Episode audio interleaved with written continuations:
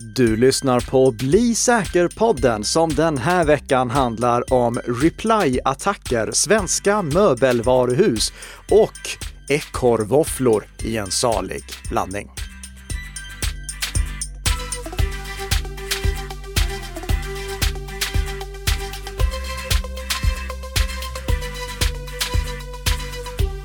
Ja, god morgon, god morgon och välkommen till Bli säker-podden som produceras i samarbete mellan Nicka Systems och Bredband2 med Karl-Emil Nicka och Tess Hamark bakom mikrofonerna. Två företag, två stycken poddprofiler. Den stora frågan är ju då, var i hela friden är du Tess och varför sitter jag här själv? Jo, men alltså jag är ju hemma idag faktiskt på grund av förkylningssymptom. Jaha, så du, du tänkte mm. att du inte mm. ville smitta mig? Jag tänkte faktiskt vara så snäll. Ja, och kära lyssnare, där har ni precis vad som skiljer Tess från de angriparna som vi kommer prata om i veckans huvudämne. Tess, hon vill nämligen inte smitta ner andra. Så omtänksam är hon. Men det vill de här, eh, ja, eh, ekorrvåffelangriparna eh, det kommer förklaring till vad jag menar med det. Eh, eller nej, det gör det faktiskt inte. Jag har ingen aning om varför det här, varför skadeprogrammet som vi ska prata om heter eh, Squirrel Waffle. Ja. ja, det är väldigt speciellt. Alltså. Det är mycket speciellt namn. Men mm. vet du vad? Vi börjar med veckans snabbisar precis som vanligt. Och eh, en annan sak som är hyfsat vanlig, det är att vi så här inför juletid har en snabbis om att det är jul igen. Och det innebär att det är dags för en ny högtid, inte bara för oss eh, hederliga människor, utan också för bedragare. Julen är en högtid för bedragare. Om just det har jag faktiskt gästbloggat lite hos er på Bredband2. Ja, tack så mycket för det. Ja, nej, tack själv, tack själv. Och, och eh, vi kan ju lägga länkar till de två artiklarna. Jag, jag, jag, skrev en sån här julvarningsartikel för privatpersoner och en julvarningsartikel för företagare. Läs jättegärna mm. dem, men i korta drag, det som eh, ni behöver se upp för, om jag bara liksom får välja ut några godbitar ur de här två artiklarna, så är det först och främst falska leveransmeddelanden. De kommer som ett paket på posten. Alltså det, det där var faktiskt inte ens med vilje. Jag, det, det, det, var inte med vilje jag sa det. Alltså, eh, le, leveransmeddelanden, falska leveransmeddelanden, sms som ser ut att komma från till exempel Postnord eller DHL eller UPS eller Fedex. Det kommer skickas massvis av sådana meddelanden från bedragare under de kommande veckorna. För bedragare, de vet ju att om de ska lyckas med eh, nätfiskeattacker eller andra andra attacker där de ska lura av pengar från någon, då måste de vara relevanta. Nu, så här i juletider, då har de chansen att vara relevanta till i princip alla svenskar utan att behöva personanpassa sina attacker. För i princip alla svenskar väntar ju på paket från Postnord eller någon av Postnords konkurrenter. Så eh, mm. vi blir inte förvånade när vi får ett sms som det står att kommer från Postnord och innehåller en länk. Men precis som vanligt, klicka inte på länkarna, utan om du får ett meddelande med någon information om en försändelse som du tror dig vänta på, gå istället till eh, postoperatörens webbplats och sök efter försändelsen där hamna inte i riskzonen för att eh, liksom lockas in på en bedrägerisida som ser ut som Postnords riktiga, men som i själva verket bara är där för att hävda att du måste betala en extra tullavgift eller någonting sånt. Och så försöker mm. de att stjäla ditt kreditkortsnummer på det sättet. Vad är det mer man ska tänka på? Ja, eh, överlag när du julhandlar, tänk då på att eh, vi har redan nu under Black Friday och Cyber Monday fått se flera exempel på eh, rena bedrägeributiker. Alltså butiker som bara är uppsatta för att lura av folk pengar. Det är ofta någon typ av eh, Eh, sån här kampanjsida. Det ska se ut att det är en speciell kampanj anordnat av något större företag, men som då ligger utanför det större företagets riktiga webbplats. Se upp för sådana saker. Och oavsett vad, kolla alltid recensioner innan du handlar någonstans. Alltså läs oberoende recensioner på Prisjakt, på Trustpilot, på Pricerunner om den eh, butiken som du tänker handla från så att du inte handlar från en butik som helt enkelt missköter sig. Mm. Sen finns det också några sådana här små varningsklockor som man kan ha i åtanke, till exempel ifall det inte finns ett lätt sätt att kontakta kundtjänst. Det är ett gott skäl att inte handla från eh, eh, det stället som man annars tänkt sig. Om eh, det inte finns ett tydligt organisationsnummer så är det samma sak. Och ifall det finns sådana här sigill som till exempel trygg e-handel eller certifierad e-handel. Om det finns sådana sigill, men det inte går att klicka på dem och då komma till sigillutfärdarens webbplats och där få styrkt att det är ett äkta sigill, då är inte det sigillet värt någonting alls. För det kan ju bara vara en bild som vilken bedragare som helst har klistrat in. Mm. Så eh, ta det försiktigt julhandla eh, när du inte är som absolut mest julstressad. Jag vet att det kan låta jobbigt, men eh, försök att julhandla i lugn och ro så att du är på din vakt. Och se upp för eh, inte bara bedrägerier utan också bedrägliga prylar. Jag, jag läste bara eh, av en slump här innan vi gick in i studion en artikel på SweClockers. de hade sett att i Frankrike så hade de eh, testat eh, en massa hemelektronik eh, som var köpt på Wish, du vet det här stället som säljer skräp billigt skräp som, där, det är, alltså där det inte finns någon kvalitetskontroll utan där den som importerar, den som köper det, slutkonsumenten åtar sig att göra slutkontrollen. Och mm. där konstaterade de att totalt bedömdes 95 procent av den testade elektroniken inte uppfylla relevanta EU-standarder och 90 procent ansågs innebära risk för personskador.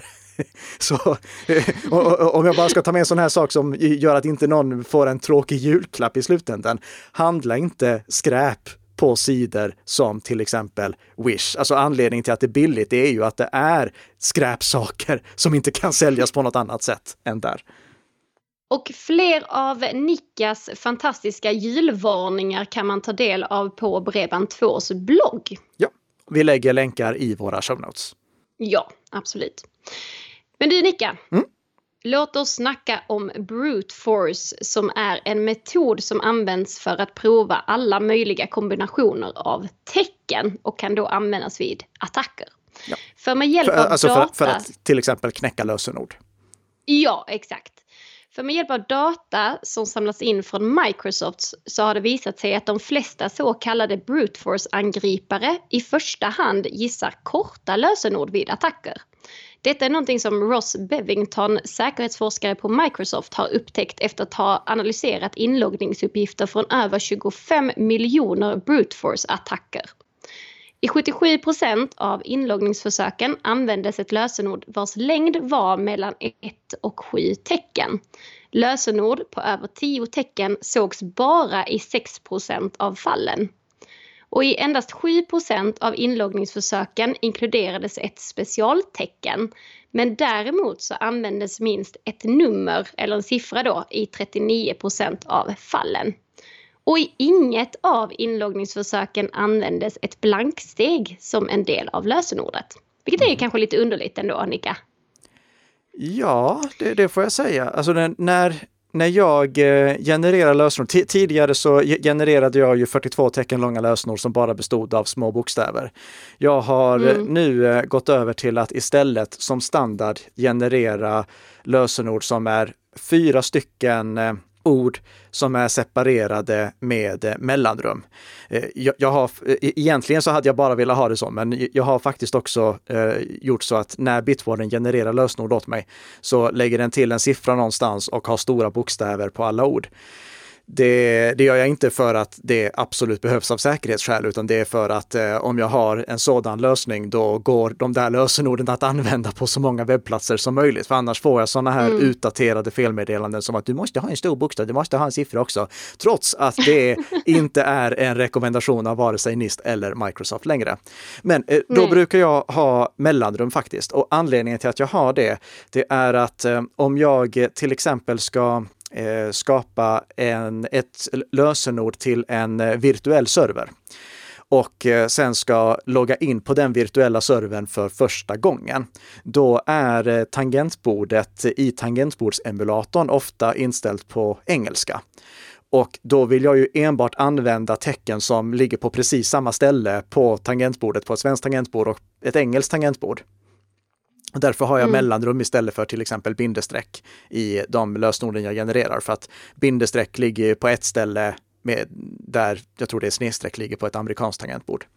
Nu, nu inser jag att det här var ett mm. väldigt, väldigt nischat problem som jag har med att skapa eh, lösenord till virtuella datorer och sen kunna logga in i dem eh, från en tangentbordsemulator. Men vet du vad? Eh, det, det, är därför jag har eh, mellanrum i många av mina lösenord. Eh, och det, det, var kul att höra att eh, angripare som eh, Microsoft då har undersökt deras beteende. De, de, de brukar mm. inte använda mellanrum. Ja. Nej, precis. Och då utifrån vad då Ross Bevington har kommit fram till så kan vi då anta att längre lösenord som innehåller då specialtecken eller blanksteg för den delen mm. eh, med största sannolikhet är säkra från den här typen av attacker. En förutsättning är ju Ja, ja okej, okay. du skulle säga någonting mer där ja. ja, jag skulle säga någonting här. Ja. En förutsättning är ju då att lösenorden inte har läckt ut online och att de inte heller ingår i befintliga ordböcker. Ja. Skulle jag säga det. Och, och jag vill bara lägga till en liten sak här eh, och det är ja. att vi, vi, får inte, vi, vi kan inte dra slutsatsen att lösenord utan specialtecken och stora bokstäver och siffror är osäkra.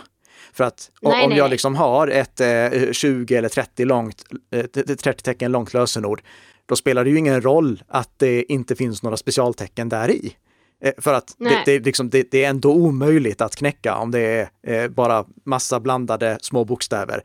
Eh, mm. Kanske går att knäcka på hundra millennier istället för på tusen millennier, men ändå, det, det, liksom, mm. spelar ingen roll i det stora hela. Har man tillräckligt långt lösenord så behövs det inga specialtecken. Och anledningen till att jag försöker trumma in det så mycket som möjligt är ju att om vi börjar blanda in specialtecken och siffror i de lösenorden som vi behöver komma ihåg, kom ihåg det som jag pratade om tidigare, det var lösenorden mm. som Bitwarden genererade åt mig. Då är det svårare för oss att komma ihåg det. Och om vi människor tvingar oss själva att komma ihåg någonting som är svårt att komma ihåg, då försöker vi hitta genvägar och allt för ofta blir den genvägen, mm. att, eller jag ska säga med hög risk blir den genvägen att vi väljer ett kortare lösenord. Ja, Ja, nej men det är bara bra instick Nicke, utan mm. detta var ju då utifrån vad han sa då, eller den här undersökningen ledde till. Ja. Och man kan ju också säga att eh, tyvärr så är det ju allt för många som fortfarande använder sig av korta och just enkla lösenord. För om vi kikar på Nordpass årliga undersökning om Sveriges vanligaste lösenord som släpptes nu i november så kan vi se att topplistan ryms av lösenord under just tio tecken. De har gärna ord och siffror i följd på ett tangentbord och andra vanligt förekommande ord finns med. Mm. Så att jag tänkte bara lyfta några exempel där eh, på topp fem faktiskt ja. över eh, de vanligaste lösenorden i Sverige enligt Nordpass. Så då är det på nummer ett, 1, 2, 3, 4, 5, 6. Sen har vi 1, 2, 3, 4, 5, 6, 7, 8, 9. Och sen kommer hejsan. Och på fjärde plats 1, 2, 3, 4, 5. Och på femte plats QWERTY. Som är ju då i en följd på tangentbordet. Ja. Ja, det är de så gamla där är vi fortfarande där. Nicka. Ja, mm. vi är ju fortfarande där. Tråkigt men sant. Mm. Mm. Men eh, åtminstone, det är alla våra lyssnare, de vet ju att det är bra att använda en lösenordshanterare. Och eh, eh kan, kan ju då eh, bara flika in här också att jag skulle inte under några som helst omständigheter vid något tillfälle använda Nordpass lösenordshanterare. Men det är kul att de har tagit fram den här statistiken åt oss i alla fall. Ja, precis. Mm. Det är det vi tittar på just nu. Ja. Mm. Mm. Men du, vet du vad Annika? Nej. Över till dig. Ja. Och eh, då tänkte jag faktiskt prata om Flubot. Minns du att vi pratade om Flubot eh, för typ ett halvår sedan? Oh, det var ett tag sedan du. Ja, det, du får det, nog eh, påminna mig lite här. Ja, och kanske, kanske lyssnarna också. ja, det, jag tänker det. Ja, det var ehm, eh, ett eh, skadeprogram som spreds via sms och i april i våras då gick eh, CERT-SE vid eh, Myndigheten för samhällsskydd och beredskap ut med en varning för att bedragare skickade paketleverans-sms, så som vi pratade om inledningsvis, som innehöll eh, länkar till en eh, webbplats där då den här Flubot-trojanen låg och kunde laddas ner. Jag fick eh, tips från en av våra lyssnare, tack Staffan för tipset, om att eh, CERT-SEs motsvarighet i Finland som jag inte tänker försöka ut, eller jag, jag, kan göra ett, ett tappert försök. Ja. Kyber, kybertovalissuskes Kyber, du, jag ångrar mig att direkt att jag gjorde ett försök på det där. Nej, jag tyckte det lät bra. Ja, det var ändå det, ja, Och jag ber om ursäkt till alla våra finsktalande lyssnare. Eh, om någon vill skicka mig en, eh, en mp3-fil med hur man ska uttala eh, det här så tar jag tacksamt emot det och spelar upp det i nästa veckas podd. Hur som helst, de varnar för att eh, Eh, Eh, nu så har de sett en attack mot eh, finska mobilabonnenter där det har skickats över 70 000 meddelanden på bara ett dygn och de har ett dussintal bekräftade infektionsfall med just Flubot. I den här attacken, då har eh, bedragarna inte valt att använda paketaviseringar som skäl för att någon ska klicka på en länk, utan de har istället eh, sagt att det här är ett meddelande från din operatör eller att du har ett eh, nytt meddelande i din röstbrevlåda som du behöver lyssna på. Men det som hände sen, det är samma sak. Om användaren klickar på länken och webbplatsen som han eller hon kommer till identifierar att användaren har en Android-mobil, då finns där en eh, nedladdningsfil som eh, användaren uppmanas att ladda ner och installera. En nedladdningsfil, så en, en APK-fil, alltså en mm -hmm. appfil för Android. Det är inte så att mm. användaren blir infekterad bara av att han eller hon besöker den här webbsidan. Men om han eller hon sen följer instruktionerna där, som säkert är övertalande skrivna, och går förbi alla de här säkerhetsspärrarna som Android har för att man inte ska installera APK-filer manuellt, då blir mobilen infekterad. Och det Flubot gör, det är samma sak som tidigare, att den, den stjäl data, den plockar lösenord. Om du har kryptovalutanycklar så plockas det, den spionerar på vad du gör på mobiltelefonen och skickar sig vidare till eh, de du har i din kontaktlista. Mm. Så en, en otrevlig sak att få på sin eh, mobil. I och med att man inte kan installera APK-filer manuellt på en iPhone så eh, är det här ingenting som påverkar iPhone-användare utan enbart Android-användare. Eh, I och för sig, om eh, den här webbplatsen som eh, besökaren hamnar på har en iPhone, då vill ju inte bedragarna låta den attackmöjligheten gå förbi. Så då provar de med en klassisk nätfiskattack där de försöker få användaren till att ange sitt betalkortnummer. Såklart. Lika bra när de ändå liksom har fått ja, nagarna klicka. Ja, ja. Men eh, Android-användare, tänk på att eh, det här är någonting som vi ser i Finland just nu. Det här är någonting som kan komma till Sverige, så var observant under de kommande veckorna och eh, klicka inte på länkar som du får via sms. För som vi har sagt tidigare, eh, du kan aldrig någonsin lita på att avsändaren av ett sms är den som står. Och då var det dags för veckans huvudämne, Nicka. Vad ska vi prata om idag? Vi ska prata om reply chain-attacker. Eh, inte replay-attacker som vi pratar om i smarta hem exempelvis, utan reply chain-attacker. Någonting som är relaterat till e-post, någonting som är relaterat på sätt och vis till det vi pratade om för förra veckan, då vi var inne på det här med äkta bluffmail från FBI. Mm. Den 19 november, då publicerade säkerhetsföretaget Trend Micro en intressant artikel om eh, Squirrel Waffle, alltså ekorrvåffla. Ett, ett skadeprogram som du inte vill ha på din dator. Nej, trots sitt gulliga namn. Trots sitt gulliga namn så är det här inget gulligt att ha på sin dator. För Squirrel Waffle mm. är ett eh, skadeprogram som angripare kan använda för att eh, sen infektera din dator med någonting annat. Alltså det är ett sätt att kontrollera din dator för angripare. Mm. Det Trend Micro hade upptäckt, det var att eh, vissa organisationer som hade egna Microsoft Exchange-servrar inte var så där jätteduktiga på att uppdatera dem, hör och häpna. Utan eh, de hade missat att installera säkerhetsuppdateringarna som åtgärdade två av de sårbarheterna som var verkligen i ropet i, eh, i våras. Eh, jag tänker på Proxy Logon och Proxy Shell. Två stycken väldigt omskrivna sårbarheter och det var väldigt viktigt att man installerade de uppdateringarna som Microsoft släppte i våras omedelbart. Bevisligen är det inte alla som har gjort det och då har de nu alltså fått sina servrar utnyttjade. Det som angriparna gjorde, det är eh, det var smart får jag säga. Det var smart. Mm. Ja. För Vad gjorde de då? när de hade infekterat de här servrarna, då kunde de skicka ut mejl som såg ut att komma från en kollega i samma organisation. Alltså i och med att de hade kontroll över servern så kunde de, precis som i FBI-fallet vi pratade om eh, förra, förra veckan, då kunde de mejla ut så att mejlen faktiskt såg ut att komma från kollegor. Och vi har ju pratat om att det är väldigt, väldigt viktigt att vara relevant i de här attackerna. Det tror jag till och med vi pratade om i början av det här avsnittet. Och kan du tänka dig något mer relevant än att du får ett mejl från en av dina kollegor? En av dina kollegor som skickar dig en bilaga via mejl. Nej, är ju- verkligen inte. Nej. Och vi kan faktiskt krydda det här lite extra. För de skickade inte bara ut vanliga mejl, utan i och med att de hade kontroll över servrarna så kunde de ju se mejl som olika användare hade fått. Och istället för att bara skicka nya mejl till angriparna, till eh, användarna som de ville attackera, så svarade de på befintliga mejl. Så användarna som fick liksom de här nätfiske-mejlen, eller egentligen eh, nätfiske-mejl var det inte, de här infekterade mejlen eller mejlen med infekterade bilagor.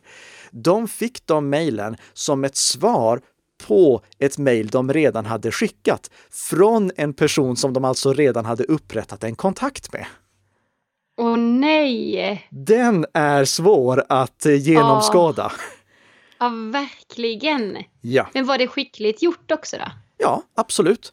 Det Ja. som eh, eh, fanns med i det här mejlet, det var då en infekterad bilaga, ett, eh, ett Excel, eh, en Excel-arbetsbok med makron i. Och du vet ju vad vi tycker om makron. Det vet våra lyssnare också vid det här laget. Mm. Makron ska vara avstängda. Det som eh, angriparna gjorde här för att försöka lura användarna att faktiskt slå på makron så att de kunde infektera datorerna via de här preparerade Excel-arbetsböckerna. Det var att de färgade några av de här rutorna som man ser i Excel, några av cellerna i Excel, Excel-gröna, klistrade in Excels logga och la lite grafik så att det skulle se ut som att det de skrev var ett meddelande från själva programmet. Och det de skrev i den här eh, dialogruteliknande rutan, som i själva verket bara var information som låg i kalkylbladet, det var det här. Mm. This document is protected by Microsoft Office. To open this document, please follow these steps. 1. Select Enable Editing. 2. In the Microsoft Office Security Option dialog box, select Enable Content. Så de försökte alltså lura mottagarna att de var tvungna att aktivera makron för att de skulle kunna öppna det här eh, dokumentet som de kallade det, eller arbetsboken som det i själva verket var. Det Ah, är snillrikt. Om ni vill se ett exempel på hur eh, det här mejlet såg ut så har vi en länk till Trend Micros rapport såklart i våra show notes. mm. Jag sa att vi skulle komma in på någonting som hade med en svensk möbelkedja att göra också. Och Ja, det, precis. det ska vi, för även om vi inte har fått bekräftat att det var just den här eh, Squirrel eh, Waffle-attacken som Ikea råkade ut för nu under den gångna veckan, eh, så är det någonting som är väldigt, väldigt likt det de har råkat ut för åtminstone. Bleeping Computer, de hittade nämligen, eller de fick ett eh, mejl som eh, hade skickats ut till de som var anställda på Ikea, eller de som är anställda på Ikea. Och i det mejlet står följande. There is an ongoing cyber attack that is targeting inter-IKEA mailboxes. Other IKEA organizations, suppliers, and business partners are compromised by the same attack and are further spreading malicious emails to persons in inter-IKEA. Här säger de alltså att när datorn har blivit infekterad, då sprids eh, skadeprogrammet vidare därifrån också. Mm. This means that the attack can come via email from someone that you work with, from any external organization, and as a reply to an already ongoing conversation. It is therefore difficult to detect, for which we ask you to be extra cautious. Och Även om eh, jag inte tror att eh, Ikea har bekräftat att det här mejlet kom från dem så kan vi lita på Bleeping Computer. Och Ikea har också bekräftat för både Dagens Nyheter och Svenska Dagbladet att de har varit utsatta för en sån här attack. Det Men alltså, det låter ju väldigt likt ja, som det, Squirrel. Eh, det, det, låter väldigt likt, förutom just det här att det spreds eh, från datorerna också. Så vi vet egentligen inte mm. själva ingångskällan vad den var, men vi kan misstänka att det finns ett samband och oavsett vad så är konsekvenserna de samma och det är därför som jag vill lyfta upp det i veckans podd. För vad mm. är det som händer när du liksom inte kan lita på mejl du ens får från dina kollegor? Ja, då har du plötsligt extremt svårt att kommunicera i organisationen. För ponera att du får ett mejl från någonting som ser ut att komma från IT-avdelningen. Hur kan du veta om det kommer från IT-avdelningen eller inte? De kan ju också vara infekterade. Så ifall ja, det där precis. skulle komma ett mejl där det står liksom, eh, vi måste åtgärda den här infektionen, eh, vi har gjort det här skriptet, kör det på din dator så att den inte längre är infekterad. Hur vet du mm. om det är ett skript du ska köra för att ta bort en infektion eller ett skript du ska köra för att faktiskt bli infekterad? Ja, det är ju jättesvårt. Det är otroligt svårt. Det är en väldigt knivig sits att hamna i. Det är därför det är så viktigt att liksom alla tar sitt ansvar för att upprätthålla IT-säkerheten i organisationen. Inte minst med lösenord, så som du var inne på i veckans snabbisar.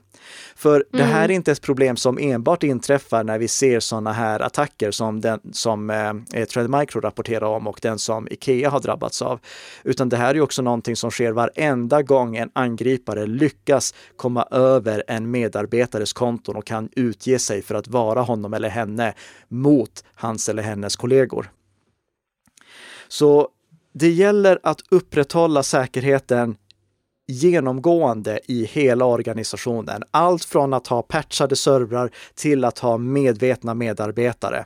För om det är så att förtroendet för kommunikationen i organisationen faller, då är det jättesvårt att eh, återupprätta den. Jag jobbade ju tidigare med bland annat eh, interninformationsflöden och det här var en av de sakerna som jag funderade över. Okej, okay, vad gör vi ifall vi inte kan förlita oss på de befintliga kommunikationskanalerna? Låt oss säga att en kommunikationskanal har blivit eh, compromised, alltså den har blivit eh, komprometterad. Hur kan vi då mm. återupprätta förtroendet? Eh, hur ska vi kunna göra så att våra medarbetare lyssnar på oss och inte lyssnar på bedragare?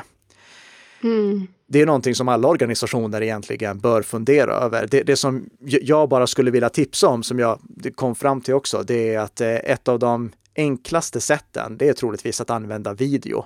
Alltså att ta vdn eller någon annan person som, är, eh, som har ett känt ansikte för alla i organisationen. Filma honom eller henne när han eller hon berättar om vad det är som har hänt och hur det ska kommuniceras framöver för att eh, medarbetarna ska veta vad som är säker kommunikation respektive potentiellt eh, bedräglig information.